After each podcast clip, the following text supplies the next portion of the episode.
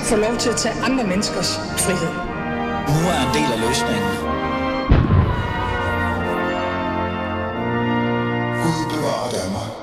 Ja, velkommen tilbage her i uh, Fæderlandet. Jeg hedder det stadig Gud, Konge og Fæderland, og så må vi se, hvad vores kommende konge tænker. Men altså, det er jo ikke det, vi skal tale om, eller selvom jeg godt kunne lave 6 timers radio om det. Så derfor så har jeg valgt at lave 0 timers radio om det. Det vil sige, jeg dukker, eller ikke dukker, jeg laver intet om konge, eller kroneskift, eller troneskift, eller det der, øh, før øh, vores konge, kong Frederik, dukker op i studiet. Ambitiøs, ikke? Sådan det. Ved du hvad? Det, skal, det er jo ikke det, det skal handle om. Det er bare mig, der vrøvler, fordi jeg blev lidt fanget af det, fordi det gjorde jeg.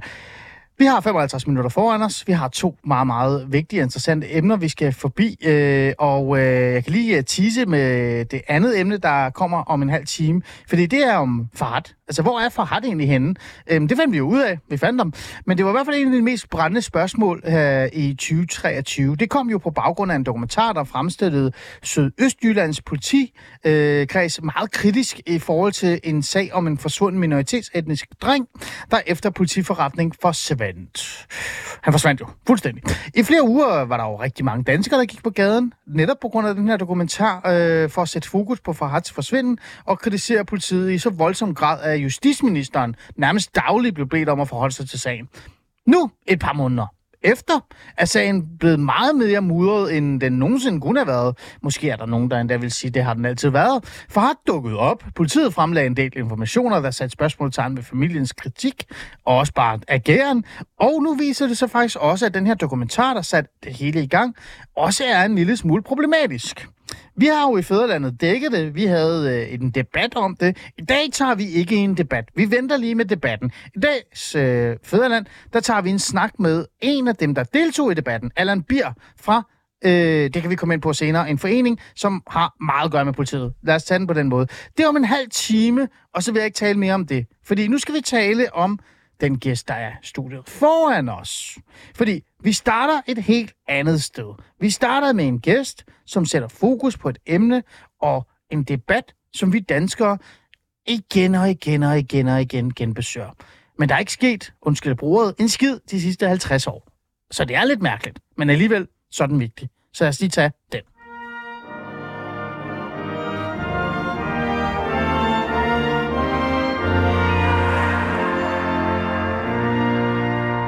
En debat, vi har genbesøgt igen og igen og igen og igen, men der er ikke sket noget inden for området i 50 år. Øhm, Christine Armetsbøl Bille, velkommen til.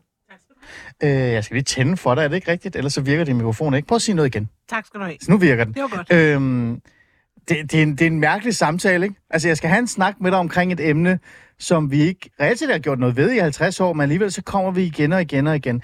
Øh, det er jo abort. Det er det. Øhm, og det er især omkring det her med, at man øh, nu har faktisk besluttet sig for, at måske man vil gøre noget ved det. Men grund til, at jeg synes, det var interessant, det var jo ikke fordi, at åh, nu tænkte jeg, at nu skal vi have ham med bort igen. Det var mere fordi, at jeg faldt over en kronik, og, og jeg griner lidt, fordi det er lidt, det er lidt det er en spøjs øh, ting, jeg skal læse op nu, men nu gør jeg alligevel. Øh, mor jubler over abortforslag. Øh, jeg vil ikke ønske for nogen at få sin skæbne lagt i hænderne på det regionale ab- abortsamråd, men mor jubler over abortforslag. Øh, det er jo dig, der har skrevet den her. Ja. Det er din historie. Det er det. Det er en meget personlig historie omkring, øh, hvad abort egentlig har betydet for dig, og, øh, og, og så videre, og så videre. Men, men hvorfor er det, hvis vi bare lige starter sådan lidt reflekterende, øh, før vi går i gang med det her, hvorfor er det, det her emne øh, altid er noget, vi ender med at tale om, men aldrig rigtig gør noget ved? Er det, ikke- er det ikke lidt specielt i virkeligheden? Jo, det er det. Altså, man kan sige, det er jo både mangefacetteret, fordi det både handler om en abortgrænse, der er abortsamrådene, altså enormt komplekst, og så er det en enormt følsom debat, ikke? Ja, fordi det handler om børn. Altså igen, mor jubler over abortforslag. ja det, Det, lyder, det bliver det næsten lyder ikke mere følsomt, vel? Ja. Det er det. Det er det, Ja. og derfor tror jeg, at vi vender tilbage til det, fordi det er et øh, følsomt område at øh, diskutere. Men hvorfor er det så, at vi begynder at debattere det rigtig meget nu? Mm. Og også, altså, du skriver den her kronik om det her, og, og deler en meget, meget personlig oplevelse, som altså, mange vil holde øh, for sig selv i, altså, indtil deres grav. Altså dels tror jeg, at vi begynder at diskutere det nu, fordi det lige har været 50 år for den fri abort i Danmark. Øhm, og derfor har etisk råd også kigget på, er der nogle ting, der faktisk skal justeres, så vi går ikke bare fra at have debatten, som vi har haft de sidste 50 år, ja. men er der faktisk også nogle ændringer, der skal være der. Øhm, jeg kan sige, at det møde, jeg havde øh, med det offentlige omkring øh, den abort, jeg beskriver i kronikken, der håber jeg sindssygt meget, at der er nogen, der kan spejle sig i det. Øh, jeg tænker, der sidder en masse kvinder, der ligesom mig, og familier for den sags skyld, der har haft nogle rigtig, rigtig grimme oplevelser, og dem vil jeg da sindssygt gerne have, at vi er for uden for fremtiden. Så lad os dykke ned i den her oplevelse, som desværre er skrækkelig, men, men øh, vi et eller andet sted kan tage afsæt i, og også øh, måske sætte noget i gang i forhold til det. Øh, hvad er det for en oplevelse, du har haft, som du beskriver den her øh, kronik? Jamen, øh, der ligger jo en scanning i uge 12, når man er gravid. Mm. Og på den, der vil man kunne se nogle øh, diagnoser. Øh, det, der sker ved mig i uge 12, det er, at jeg kommer glad ind og er gravid i en helt planlagt graviditet, øh, et ønskebarn. Og øh, ret hurtigt bliver jordmoren meget hvid i hovedet og siger, jeg tror lige, jeg kalder på lægen. Øh, mm. Og det er ret tydeligt, at øh, der er et eller andet i vejen. Ah. Øh, så øh, lægen kommer så ind og siger, at den her nakkefold, den er helt abnormt stor. Og det er sjældent et super godt tegn. Øhm, og derfor skal jeg til videre udredning øhm, omkring, hvad er det så, der kan være med det her foster om noget. Der kan være en lille teoretisk chance for, at, øhm, at det ikke fejler noget. Øhm, men vi kan også godt se på vidheden i hovedet. øh, der er noget helt galt. Der er noget formentlig helt galt. Ja. Øh, men det ved vi jo ikke. Og derfor bliver det en længere udredning øh, af, hvad er det så, der skal ske. Og jeg ved jo godt, at jeg er i uge 12, for det skal man være, før man kan blive scannet. Ja. Øh, og det er jo efter den abortgrænse, der er i dag. Mm. Øhm, og det gør det jo meget følsomt og meget øh, usikkert. Hvad er det så, der egentlig skal ske? Mm. Det har jeg jo ikke sat mig ind i på forhånd. Jeg tænker, jeg skal have et ønskebarn. Det er nummer to barn. Mm. Vi har allerede et barn på, hvad er hun der, 7-8 måneder. Ja. Øh, jeg tænker, det bliver da bare fedt. Nu kommer der en lille søster og en lillebror. Mm. Øh, men situationen blev så fuldstændig ændret. Ikke? Mm. Hvad, øh, øh, bare lige for at forstå det, øh, hvad er det egentlig så, det ender med? Altså, hvad er grunden til, at den her øh, jamen, sygeplejerske og nærmest også læge bliver helt hvide i hovedet? Jamen, det er jo, at øh, dels de kan se, at der er noget i vejen, og den besked tror jeg ikke, der er noget sundhedspersonale, der heller synes er særlig sjovt, når de Nej. kan se, at nogen ønsker sig et barn Nej. Øh, inderligt. Og lige så snart jordmoren går ud der helt hvid i hovedet, bryder jeg fuldstændig sammen. Mm. Øhm, fordi jeg er usikkerhed og alle de drømme, man har, når man tænker, nu skal vi have et barn til sommer, og det bliver fedt, det skal vi så ikke alligevel. Mm. Altså, hvad skal der så ske? Mm. Øhm, og så er det jo efter uge 12. Det vil sige, jeg kan ikke længere selv træffe en beslutning om, ja. om jeg vil have en abort. Mm. Øhm, ligegyldigt hvad der er med det her øh, foster. Mm. Øhm, og det, øh, det gør jo også, at øhm, sagen bliver lidt mere kompliceret. Mm. Øh, jeg ved godt, det er sådan, måske jeg bruger i det, men jeg tror også, det er bare vigtigt for vores lyttere at forstå, øh, hvad det er, der egentlig gør. Altså, ved du på det tidspunkt, eller får du at vide senere på det tidspunkt, hvad det er, der muligvis kan være galt med, med det her øh, barn, der er på vej? Altså, er det hjertefejl? Er det øh, små kromosomsproblematikker? Jeg ved godt, at man siger små, men altså, det er jo fordi, man ikke ved, hvor, hvor voldsomt det kan blive. Altså, hvad er det, de, du decideret fået at vide, som gør, at øh, det, nu bliver vi nødt til at tænke på noget andet end bare, at vi skal have en øh, sund og rask øh, barn? Det er en kæmpe nakfold, øhm, og ah. det kan sådan set være, øh, at man går helt fri. Altså, det kan være falsk alarm. Ja. Øhm, men man kan sige, at den størrelse nakkefold, der er her, peger på, at der formentlig kan være tale om en kromosomfejl. Mm. Men der er også andre ting, der kan give sig udslag i en nakkefold, øh, en stor nakkefold, og derfor så er man nødt til at få undersøgt det yderligere. Mm. Øhm, for at finde ud af, for det første, er der noget? Er det falsk alarm? Mm. Eller øh, hvad er det så? Ikke? Og, og afhængig af, hvor slemt det er, ja. hvad skal der så ske? Ja, okay. Så er det på plads. Øhm, hvad så er det næste skridt? Altså i din, øh, din oplevelse, du siger jo selv her, at på det stadie, og det er jo stadig gældende på dag, dags dato, så er det ud af dine hænder. Så hvis, det vil sige, hvis man som familie, som, øh, som par eller som øh, enemor øh, gerne vil have et barn, øh, og man finder ud af, at der er noget fuldstændig galt med sit, med sit barn, der er måske øh, mulighed for øh, kromosomfejl, der er stærk misdannelsesproblematikker, der kan være hjertefejl, øh, så er det faktisk ikke en selv, der beslutter. Så hvad er det så, der sker for dig der? Øh, øh, altså, hvad er det næste forløb, eller hvad, hvad er det, der sker det, i forløbet, det næste skridt? Jamen, øh, jeg kommer så videre til udredning og får foretaget en moderkagebiopsi. Øhm, og det er der jo noget tids ventetid på. Der går også en weekend, ikke, hvor jeg ikke aner øh, noget som helst. Ja. Øhm, får lavet en moderkagebiopsi, som jeg jo så igen venter på. og som viser, at det her foster har det, man kalder Edwards-syndrom eller trisomi 18, Øhm, ligesom Downs hedder trisomi 21, fordi Ja. det er en afvielse på kromosom par 21, så er det her et kromosom par 18. Mm. Øhm, og øh, det- det er rigtig slemt. Vi taler om et foster, der vil blive født i en smerte, man ikke kan øh, gøre noget ved, mm. øhm, hvis det overhovedet lever så længe. Ja. Øhm, det er et foster, der er blevet født med sammenvoksede fingre og tær. Mm. Altså, det, det er rigtig, rigtig, rigtig galt. Mm. Og hvad Øh. tænker du der, når du får det at vide? Så tænker du, det her, det, det, det kan jeg ikke. Det, det, det, det, for det første personligt, måske har man det svært ved det, men også bare generelt at, at lade et barn komme til verden med så mange smerter og så mange fysiske problematikker, det, det, er, jo, det er jo nærmest, øh, altså, det er jo ikke humant næsten, vil jeg sige. Jeg ved godt, det lyder voldsomt, men det, det er faktisk det, jeg tænker. Jeg tænker heller ikke, det er humant. Altså, det er et foster, der vil have en smerte, du ikke kan gøre noget som helst ved, du ikke kan lindre. Mm. Og det vil være et spørgsmål om formentlig maks en uge, før det, øh, altså, at den også vil være død. Mm. Så, så der er ingen mening. Altså, Nej. For mig er der ingen mening. Øhm, på mange måder, det kan jo lyde virkelig mærkeligt, men der var jo også lettet, fordi der var noget alvorligt galt. Ah, Hvad hvis der havde været en lille hjertefejl, en Ja. lille hjerneskade? ja. Hvad hvis der havde været en lille kromosomafvielse på noget andet, som jeg ikke kendte resultatet af, før den her baby var ude? Ja. Nu vidste jeg, at det her, det er... Altså, det, netop det vil være inhumant, synes jeg, at sætte den her baby i, mm. i verden. Og derfor så blev øh, beslutningen jo det desto nemmere for mig Ja. omkring, jeg ønsker bestemt en abort, både for mig selv ja. og for det her fosters skyld. ja. Og det er jo så der, hvor det så bliver noget anderledes, ikke? For så, det er jo ikke nok. Det er ikke nok, fordi jeg var efter uge 12. Præcis. Derfor så er der ikke fri abort. Nej, og det betyder så, så skal du jo uh, fortælle det, så skal du fortælle det til myndighederne, så skal du få en et råd af, og du må gerne rette mig gerne her, for jeg tror, du ved bedre, end jeg gør, af socialrådgiver og sagsbehandlere og også lægefaglige personale. Det vil sige, der, der sidder sådan en lille råd med to, tre, fire, jeg kan ikke lige huske, hvor mange de er, forskellige uh, fagpersoner, som så skal lytte til din begrundelse Ja, for det tror abort.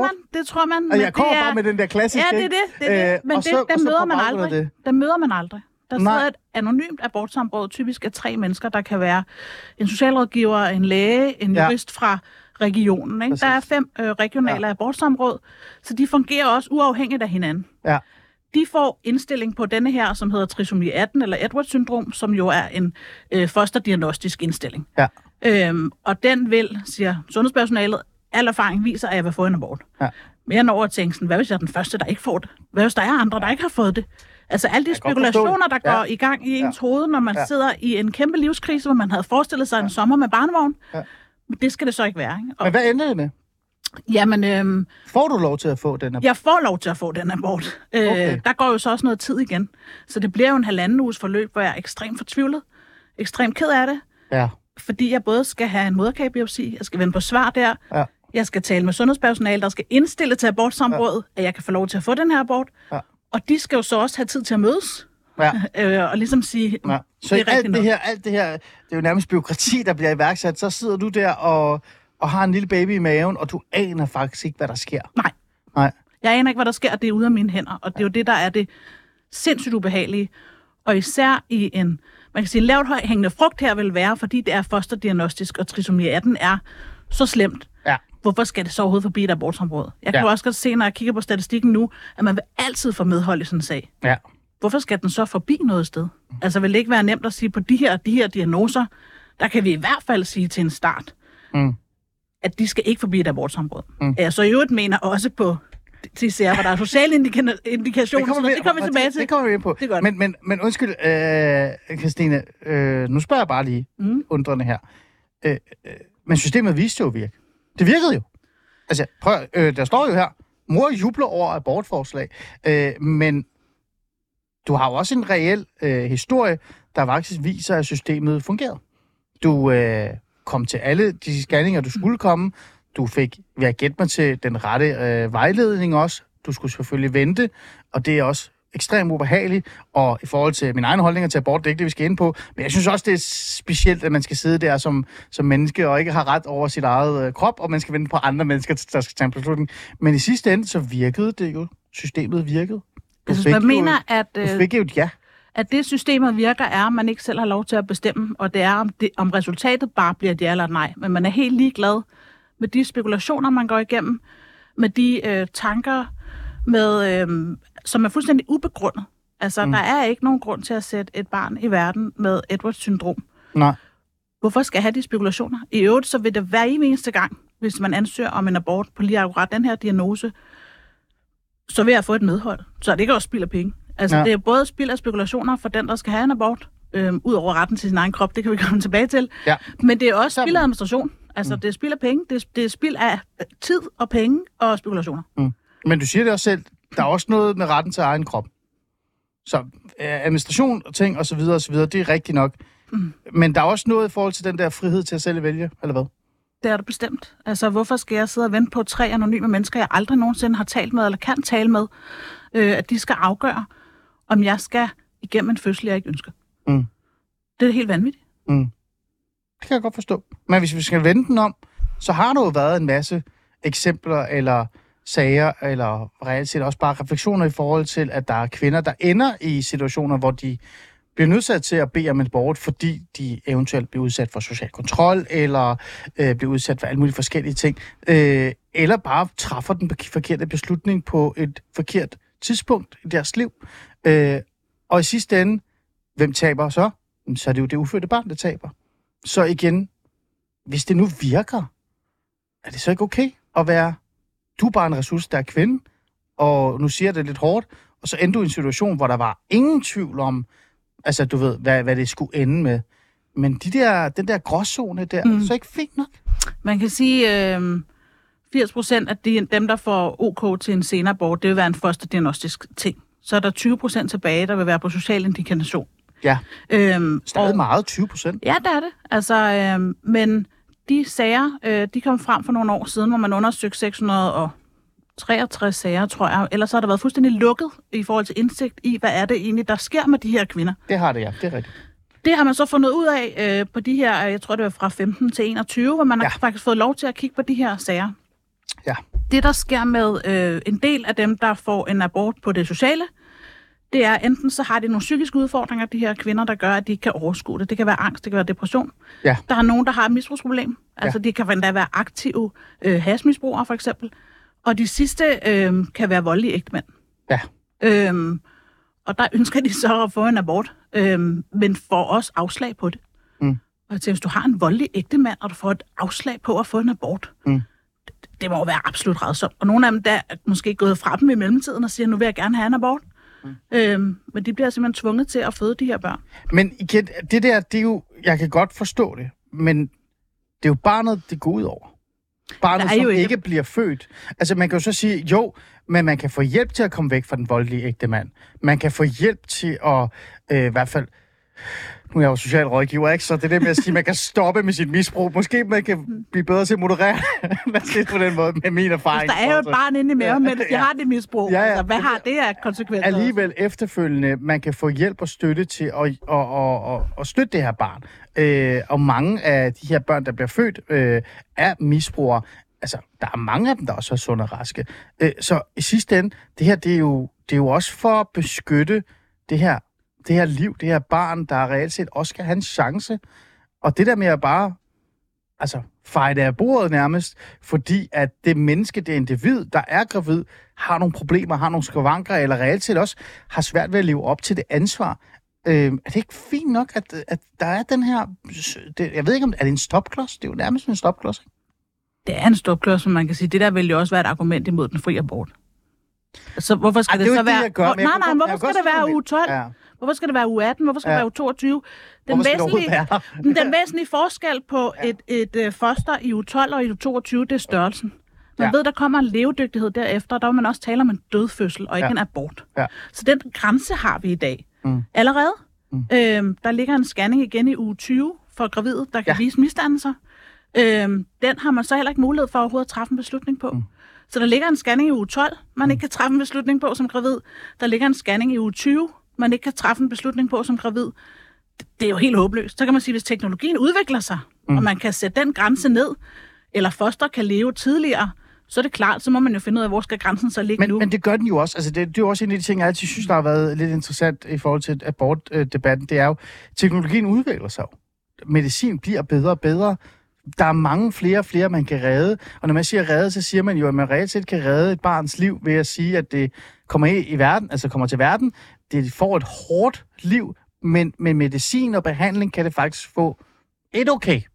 Men det er bare, Det er da bedre der er end andet nul liv. helt sindssygt i, at hvis man skal have en abort, så skal man advokere så hårdt for at få en abort.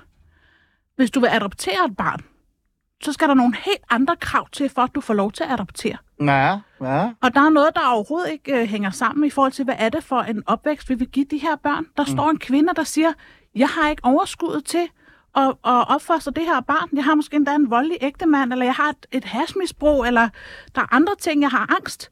Jeg har en, for, altså, jeg har en historik med depression. Mm. Altså, hvad giver det her mening? Man, man vil jo aldrig tillade det, hvis det skulle være nogen, der skulle øh, mm. adopteres. Men altså, kan du det, forstå, det er nåløje, på- man skal igennem. Altså, jeg, jeg, jeg siger altså ikke, at der ikke skal findes abort. Jeg er temmelig stor fan, eller ikke fan. Øh, Lad mig sige det på den her måde. Jeg kan godt lide, at man, har, man selv bestemmer over ens, eget, øh, ens egen krop. Lad os sige det på den måde. Og mange har spurgt mig, hvad synes du om abort? Og så har jeg altid sagt, ved du hvad, det er kvinden, der må tage den beslutning, fordi det er hendes krop, det er ikke min krop. Øh, så vil jeg jo selvfølgelig gerne have en debat omkring juridisk abort. Det skal vi ikke have i dag. Det er bare en generel snak. Øh, Det er noget andet, for jeg synes, der skal være noget ligestilling omkring det. Men jeg har intet imod abort. Jeg er for det. Jeg har endda også sagt, jeg tror, uge 22 vil også være et, øh, eventuelt med noget, vi skal kigge over.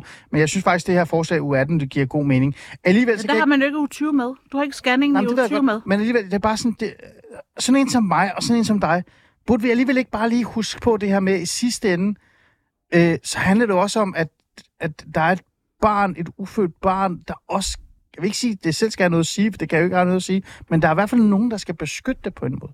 Giv den en færre chance. Det er der jo ved Men så er det jo bare sådan, du Den ved, grænse har man allerede i dag. Det er jo ved levedygtighed. ja. Du kan faktisk godt få en abort op til uge 22 i dag. Det er bare et abortsamråd.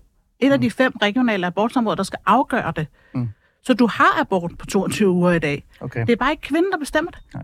Og derfor alle de argumenter, der kommer imod, det skulle være uge 22, det vil være de samme argumenter, man hører imod øh, fri abort. For der er ikke nogen objektiv grund til, at grænsen ligger ved 12 uger i stedet for 22. Mm. Og den anden del af det er, at man har fem regionale abortsamråd, som også dømmer meget forskelligt i de her sager. Altså et af de her... Ja, altså, der er intet, øh, der, er, der er ingen, øh, hvad kan vi sige, øh, der er ikke en tråd, råd tråd. fuldstændig vilkårligt. Det er ikke? Det er fuldstændig ja. vilkårligt, og det er fuldstændig uigennemsigtigt.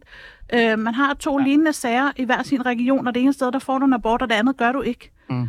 Det giver en ekstrem usikkerhed Mm. øh, på, hvornår er det, du har ret Det har du til ret. at få en abort, og det er en, det er en retssikkerhedsmæssig ting også. Christina, vi har øh, den tid, vi har, øh, og, Mm. mm. og jeg, jeg tror, vi to kan tale om det her i uendelighed. Øh, men der er jo ikke en, jeg vil ikke kalde det en abortmodstander, men abortkritiker i studiet. Så derfor så, øh, så mangler der jo måske nogle vinkler, men det, ærligt talt, det er jeg ligeglad med, det er mit program. Så, så det er bare sådan, det er. Øh, men alligevel, så har jeg det sådan lidt, så lad os lige her til sidst bare lige tage den. Hvad er det så, du egentlig vil? Altså, fordi en af de ting, jeg også har været forvirret over i forhold til, når jeg taler med øh, mennesker, der reelt set gerne vil gøre noget med, øh, med, med den her abortgrænse, det er, at de bruger meget tid på at kritisere abortrådet, siger, at det er dumt, at det er idiotisk, og der er et problem i forhold til, at mennesket mister retten til sin egen krop, fordi der er et råd, der skal sidde og overtage det. Det minder meget om Iran og vogternes råd, det kan jeg heller ikke lide. Men alligevel, så sidder jeg og tænker, det er jo mest rådet, de er vrede på. Så hvad er det, du egentlig vil? Altså, er det at rykke abortgrænsen til uge 22, skille dig fuldstændig af med, øh, med, øh, med den her, det her råd, eller gå hen og sige, ved du hvad, måske er grænsen okay, men det er rådet, der er noget galt med, og derfor så skal vi kigge på det. For i sidste ende, så er det jo sgu godt, at vi har en grænse, og så er det okay, at vi har nogle fagpersoner og nogle, nogle øh, også sådan, socialfaglige øh, øh, mennesker, der er indover, fordi det er stadig 20 procent øh, med, med sociale problematikker. Man kan sige, at hvis man afskaffer øh, de regionale abortsamråd, så er grænsen 22 uger. Fuldstændig som den er i dag. Men er det det, du gerne vil? Ja, du kan bare afskaffe de fem regionale abortsamråd, Og så bum. så bestemmer kvinden selv frem til 22 uger. De skal bare ikke, beslutningen skal ikke ligge der. Beslutningen skal ligge hos den gravide, der har været til scanning i uge 12 eller Hvad så med de 21. 20 procent, der, der, der enten har slås med psykisk sårbarhed, der øh, øh, voldelige øh, ægtemænd, der alle de her ting? Hvorfor Skal de skulle så bare ligge på en selv? seng? Men skal de bare ligge på en seng på Rigshospitalet og bare sige, Nå, men ved du hvad, det er sådan, det er. Øh, Jeg kan ikke forklare jer, hvorfor, men jeg skal ikke have det barn. God dag. Der er ikke nogen forskel. Det kan de jo gøre før uge 12. Det kan de gøre før uge 12 i dag. Du kan gå op og få en abort, uden at skulle argumentere Der, for de det. får ingen råd, de får ingen vejledning, de får ingen hjælp. Der er måske, er, dem, er, måske er der nogle af dem, der sidder og råber og skriger efter støtte. Så skal man jo mene, det er også før uge 12. så skal man sige, at det skal du så også have i uge 6. For der er ikke noget, for, der er ikke noget medicinsk øh, forskel på, altså et foster kan først mærke smerte i uge 24-25. Der, det er reflekser. Altså, der er ikke noget, der gør, at foster er meget mere udviklet i uge 22, end det er i uge 12. Andet Okay. end størrelsen. Så i virkeligheden skal man bare Men afskaffe altså, de regionale Men er der ikke noget lidt sindig omgang med graviditet? Altså lidt sindig omgang med, med menneskeliv? Lidt sindig omgang med øh, reelt set også den problematik i forhold til, at der er nogen, der slås med større ting end, undskyld, jeg siger det, du har gjort, øh, som ender med at få en abort. Øh, fordi de reelt. Altså, der, der, ikke mange, noget, der der, tyder der på- er mange socialfaglige, der også siger, vi er ikke glade for det her råd, Stine, men det er en form for en sikkerhedsnet for mange psykisk sårbare eller folk, der slås med andre problemer. Heldigvis så er der et sted, hvor, øh, du ved, øh, der kommer nogle fagpersonale ind og siger, "Hov, hvad er det egentlig, der foregår? De skal da have al vejledning i verden, så de du overhovedet kan... Nej, og det ved nej, du og det godt, kan man sagtens, Altså- det kan man sagtens følge op af. Ja. Der er ikke noget, der tyder på, tværtimod, at abortantallet i Danmark er faldende. Det har det været over de seneste år. Øh, der er ikke noget, der tyder på, at det abortantal overhovedet vil stige i Holland og i Island, hvor erfaringerne med at sætte abortgrænsen op, Ja, det, det der er viste- der på 22, der, ikke? der, er ikke nogen, der er ikke nogen stigning, Nej. øh, og derfor forventer man heller ikke, heller ikke fra Sundhedsstyrelsens side, at der vil være, øh, der vil ikke, den tendens mod færre ja. og tidligere aborter, Men- den vil fortsætte, men jeg er også selvom kvinder Men jeg er selv ikke får lov til bange at for, at der kommer flere abort. Det må vi finde ud af til den tid. Det tror jeg heller ikke rigtig på, for det kan vi jo også se i forhold til statistikker. Jeg er bare som socialrådgiver, det er det, vi griner over. Jeg er sådan virkelig ødelagt af min socialrådgiver baggrund. 20 procent er stadig en stor procentdel af, af, af kvinder, som slås med noget andet end det der med, om barnet er okay. De mister jo den der sikkerhedsventil, et, et sted, hvor systemet, samfundet, som måske har bare glemt dem, som på grund af manglende ressourcer ikke været i nærheden af dem. Men det har de jo allerede før kan uge fange 12. Ikke hvis de ikke har været, hvordan, hvornår? Hvis øh, socialforvaltningen ikke aner noget som helst om dem, hvis der er ingen i systemet, der har været i nærheden af dem, så er der jo ingen, der får... Altså, du tænker, de har 10 ekstra uger til at, at beslutte sig? Eller altså, hvad er forskellen fra uge 12 til uge 22? Det, jeg siger, det er, at det her abortråd, det er der i det mindste. Så det vil sige, der kommer nogle socialfaglige personer ind og kigger på det her. Og de Du- taler jo aldrig med dem. Nej, men de kigger på sagen. Ja, og så dømmer de meget forskelligt på tværs af regioner. Ja, Jeg ved godt, den er svær. Jeg kan godt se, hvad du mener. Jeg prøver bare at sige, er det ikke okay, at der i det mindste bare er nogen, der per automatik kigger på din sag? Du siger nej. Du siger, ved du hvad? Du stoler på systemet, du stoler på de socialfaglige Jeg tænker øh, ikke, det skal være abort. Nej, jeg tæ- men jeg tænker ikke, det skal være abortsområdet. Jeg synes, at det er fint, Mm. man har at snakke med sin læge, eller en socialrådgiver, eller et andet sundhedsfagligt personale. Mm. Den eneste god måde at gøre det på, altså man skal have den hjælp, man, og man kan sige, der er jo allerede også en psykologordning for, hvis man får foretaget en senabort, har man, har man ret til at få psykologhjælp. Så faktisk så Og siger du, lad være med at blande det, det du siger, det er, lad være med at blande det sammen. Lad være med ja. at, at, altså, abort er abort, og det her, det er det. Men, men, der, men selvfølgelig skal fylde folk med, med den her, de her problematikker, de her 20 procent, de skal også have hjælp. Ja, også før på en uge anden 12. måde. Ja. Altså også før uge 12. Og jeg Ja. kan ikke se, hvad forskellen er på uge 12 og uge 22, andet end at kvinder kommer i klemme på de scanninger, de får i uge 12. Og, i Nej, nej, nej, nej, men jeg kan godt se det. Jeg prøvede bare. og det er jo så fint, egentlig. Jeg synes, du gjorde det meget godt for din første gang i radio. Tak. Måske var det, fordi jeg var lidt for, for, for god. Ja, du for god. Nej, ikke, nej, altså, jeg var sød over for dig. Det er, det er del med et svært emne, ikke?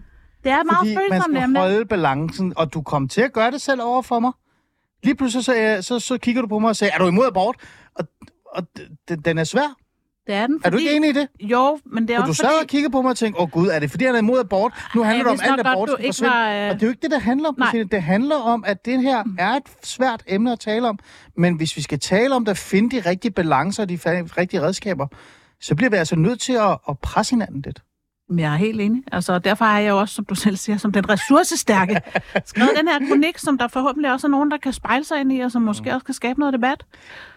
Her til sidst, ikke? Mm. Nu er du der, du er i politikken og det hele, er ressourcestærk, og jeg ved ikke hvad. Men er der egentlig plads til alle i abortdebatten?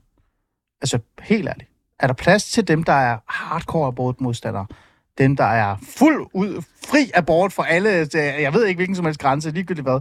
Er der egentlig plads til alle vinkler på det her? Jeg synes i hvert fald, der er kommet flere vinkler i spil, efter etisk råd ligesom har taget øh, det her op, selvom jeg måske ikke er den største fan af etisk råd.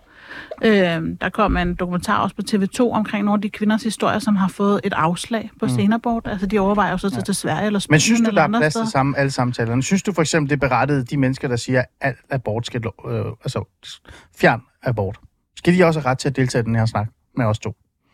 Altså, når ja, Altså, der er jo ikke nogen, der ikke skal repræsenteres i debatten. Det kan jeg slet ikke se. Jeg, Nej. jeg møder dem også selv en del på X, skulle jeg så sige. Der, der er de i hvert X. fald flittige. Lad være med at være på Øh, der er det i hvert fald flittige, ikke? Så øh, det, det synes jeg også, jeg møder. Og jeg synes også, jeg møder det i kommentarspor blandet til den her kronik også. Altså, der er der også nogen, der er rimelig kritiske. Okay, godt. Øh, før jeg siger farvel til dig, så siger jeg ude i regien, at øh, Paula, du må meget gerne hente min næste gæst. Han sidder derude, han er, han er kommet. Øh, vi skal jo tage, tage den her snak med Allan Bier omkring øh, hele den her sag med Farhat-sagen. Men øh, jeg smider det ikke ud, jeg smider det om fire sekunder.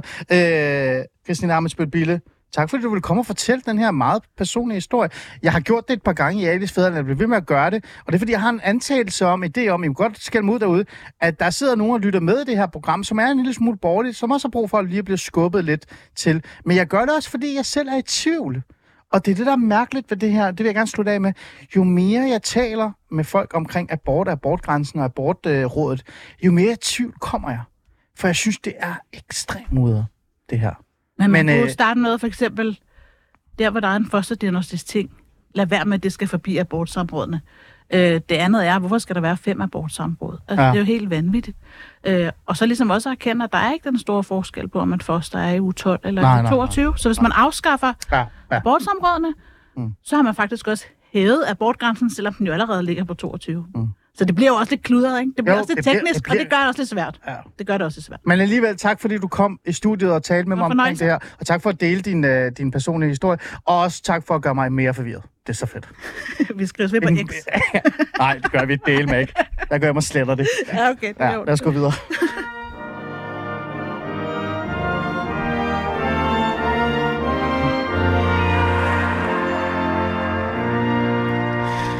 Du lytter til Fæderlandet, og øh, vi har en radiovært, der er mere forvirret. Er det ikke skønt? Vi taler med abort. Det er altid dem, der er altså ekstremt vigtigt, men også super muret og har mange, mange vinkler.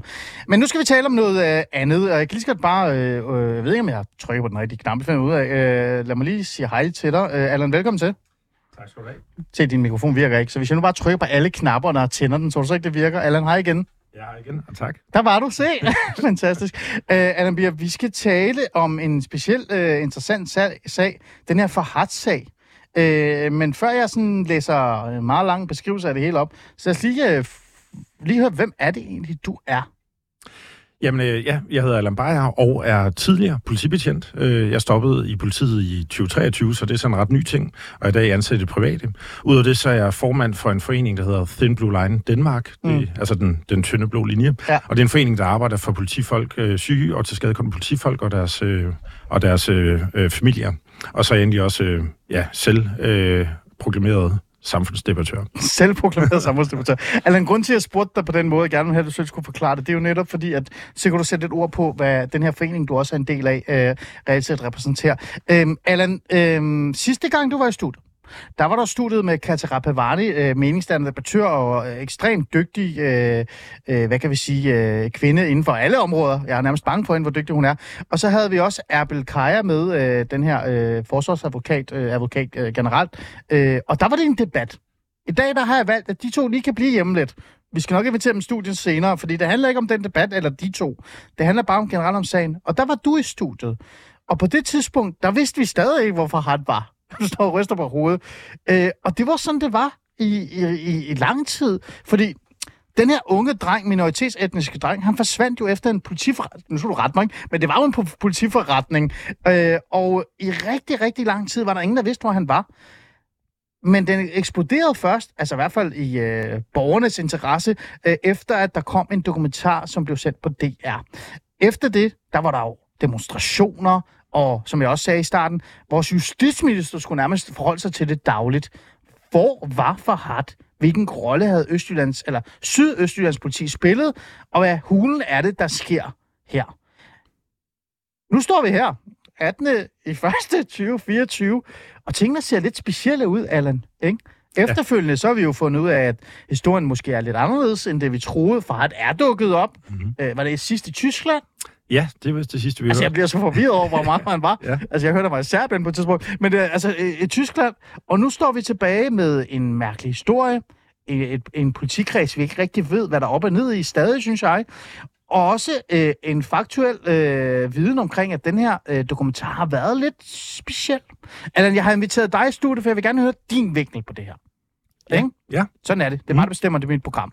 Allan, hvad synes du om hele den her sag? Jamen, jeg synes, at du legner du rigtig godt op, Ali, fordi at det her, det er jo en øh, sag, som er enormt rodet.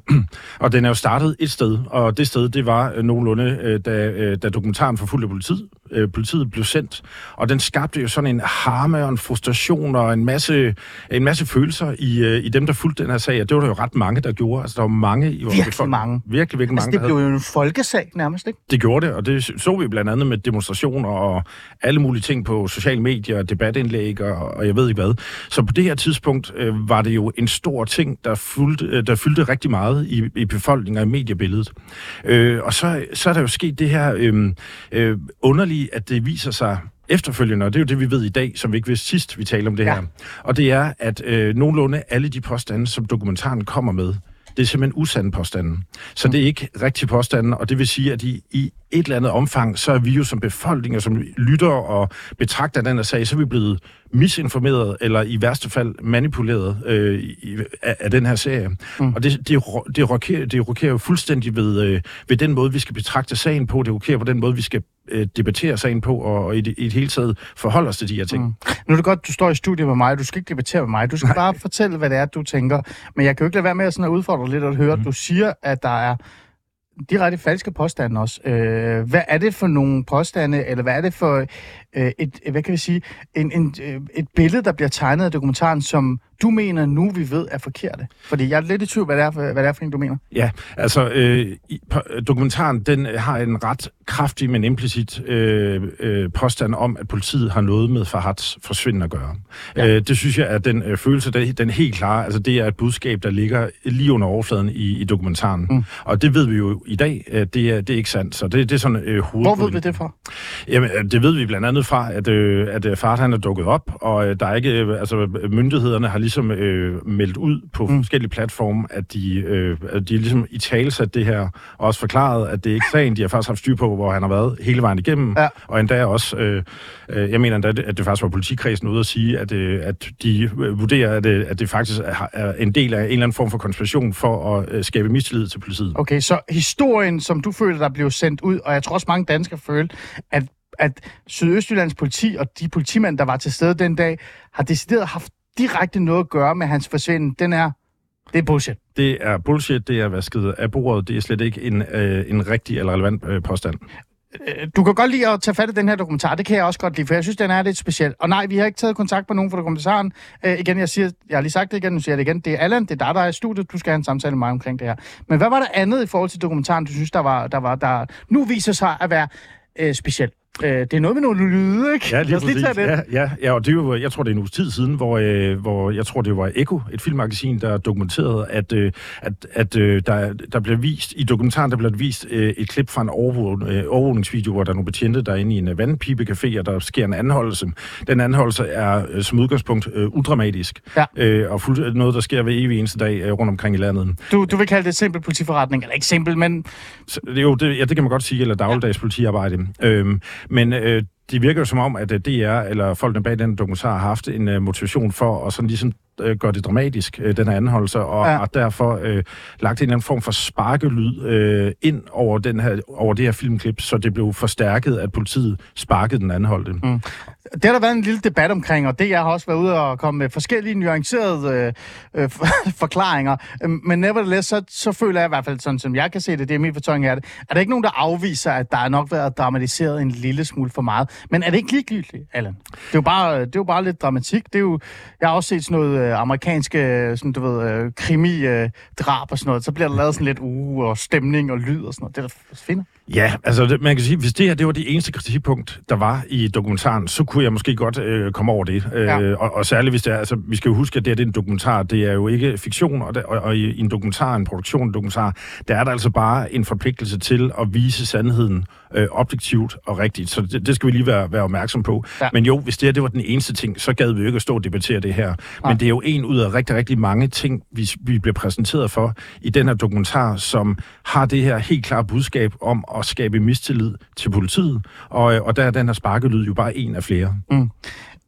Øhm, vi skal tale om, hvilke konsekvenser det har haft, både for vores tillid til politiet. Har du overhovedet haft nogle konsekvenser?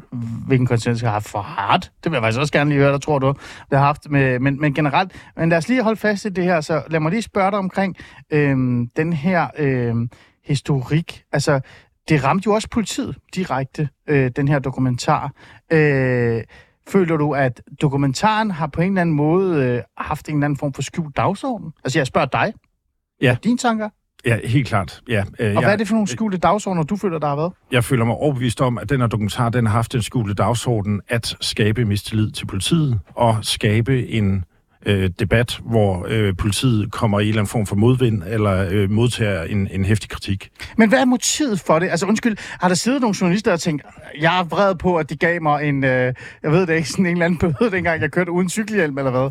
Altså jeg spørger dig. Ja, det er jo... Det er jo, det er jo At vi spekulerer, men jeg spørger. Vi, ja, det er ret spekulativt, og, og det, det ved jeg simpelthen ikke, og det er også derfor, jeg savner virkelig, at det er kommet ud og tage ansvar for det her, og kommer med en eller anden form for genmæle, eller, øh, eller noget retorik, der ikke er den her totalt langt ude forklaring på, på sparkelyd, der i virkeligheden er trommelyde, og jeg ved ikke hvad. Mm. Altså, der er simpelthen brug for, øh, der er brug for en eller anden form for ansvarstagelse for DR, som ikke er øh, en sætning, hvor der er et men i midten, eller jamen, eller noget som helst. Det skal bare være en fuldstændig øh, klar udmelding, hvor de tager ansvar for, at de har big time øh, fejlet, og, og har ikke været kritisk nok i, i forhold til, til den dokumentar, eller hvad det nu måtte være. Der kan, de kan jo sikkert formulere det på mange måder. Men, mm. men det, at de er så tavse, og når de endelig, altså når DR som øh, medieplatform endeligt øh, udtaler sig om den her sag, så er det utrolig vagt og utrolig forklarende. Det, det, det gør næsten det hele værre. Altså, jeg bliver mere provokeret, jeg bliver mere krænket af, at de ikke går ud og tager ansvar for det her. Hvorfor bliver du krænket?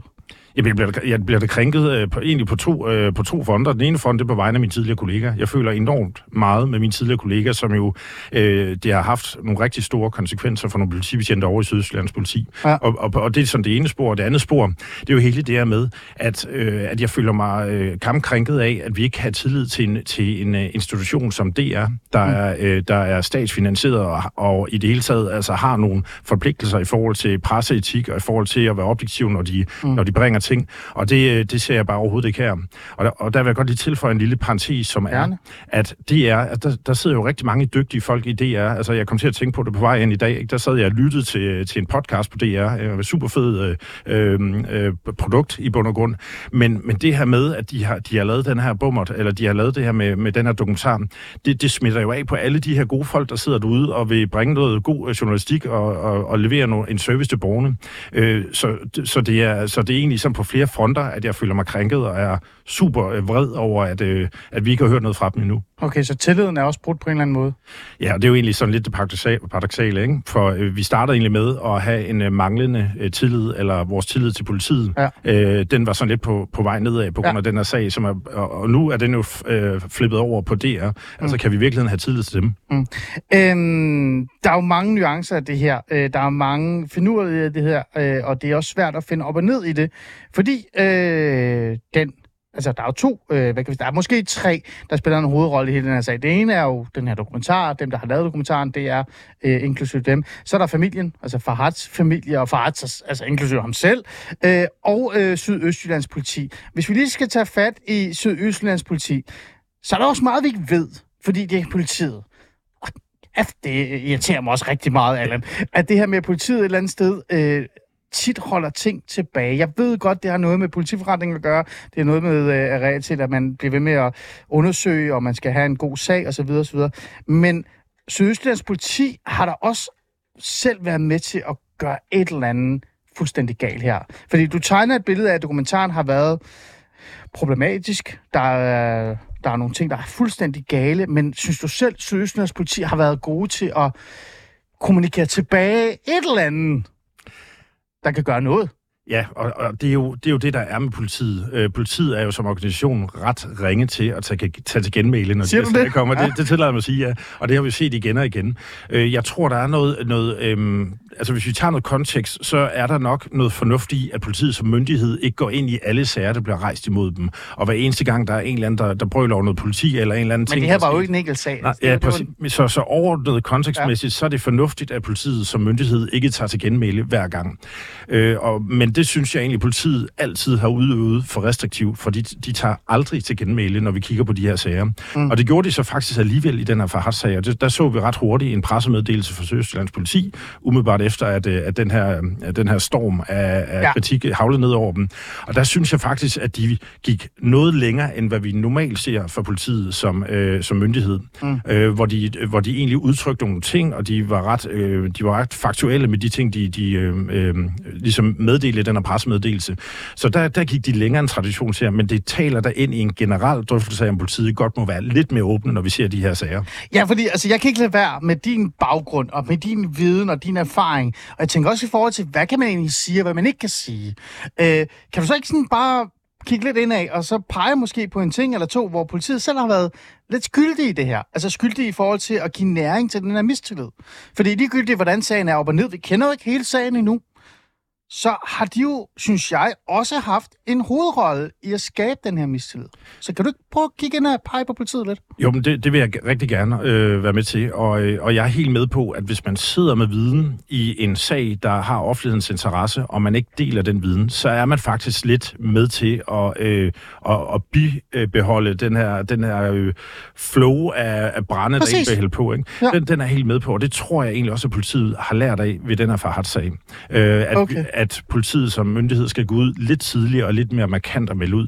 Men der er jo bare en grænsesnak i det her. Hvornår skal vi gøre det? Hvornår skal vi ikke gøre det? Skal vi gøre det med eksempelvis den sag, der var kort for indfartssagen? Det var den her anholdelse på Christiania-sagen, ja. som også bragte en masse debat. Chefredaktør, der blev øh, jeg kastet på gulvet i forhold til en bøde, øh, cykelbøde eller hvad det end var. Ja. ja, og vil det så også være meningsfuldt, at vi gør det der som politimyndighed, eller skal vi lade være? Og hvad med, når der er en, der bliver anholdt over i øh, et eller andet sted? Men, og, men, men ja. Allan, undskyld, mm. med respekt, det er 2024. Alle har en mikro, øh, øh, telefon, alle kan med det samme, du ved, øh, copy-paste og klippe det og forkorte det. Alle har, øh, i gamle dage, der skulle du skrive et læserbrev, og så hvis du var heldig, så var chefredaktørens ven, så kunne du få det i, i avisen. Alle kan skrive, ja. hvad de har lyst til, på Facebook, på sociale medier. Øh, det er jo en virkelighed, politiet skal forholde sig til. Så, og hvis de ikke gør det, så skaber de jo selv, de er med til at bibeholde den her mistillid. Så ja. de er jo selv skyldige i det her også. Jeg er enig i, at de, bi, de bibringer til den her, øh, den her diskussion, der var, den her mistillids øh, bibeholdelse ved ikke at dele den viden, de har. Øh, og, og det, men altså, øh, jeg tror ikke, vi kan forvente den type af... Nej. Jeg synes, jeg synes, de fejlede det her. Altså i fartsagen, der synes jeg, at Sydsjællands politi ja. og øh, Rigspolitiet i virkeligheden skulle have været ude og melde noget mere ud noget tidligere. Ja. Helt entydigt. Men jeg er også med på, at det har der ikke været tradition for, og de har et myndighedsansvar i forhold til det her. Så det er ikke noget, man gør som myndighed. Ja. Øh, og, og det er måske sådan modpolen i argumentet. Mm. Øhm, hvis vi lige kigger på den, tilbage på den her sag, nu har vi snakket om dokumentaren og problematikken i forhold til dokumentaren, og jeg har, har faktisk ikke rigtig lyst til at gå ind i familien, fordi familien er stadig unik, og jeg forstår dem stadig ikke.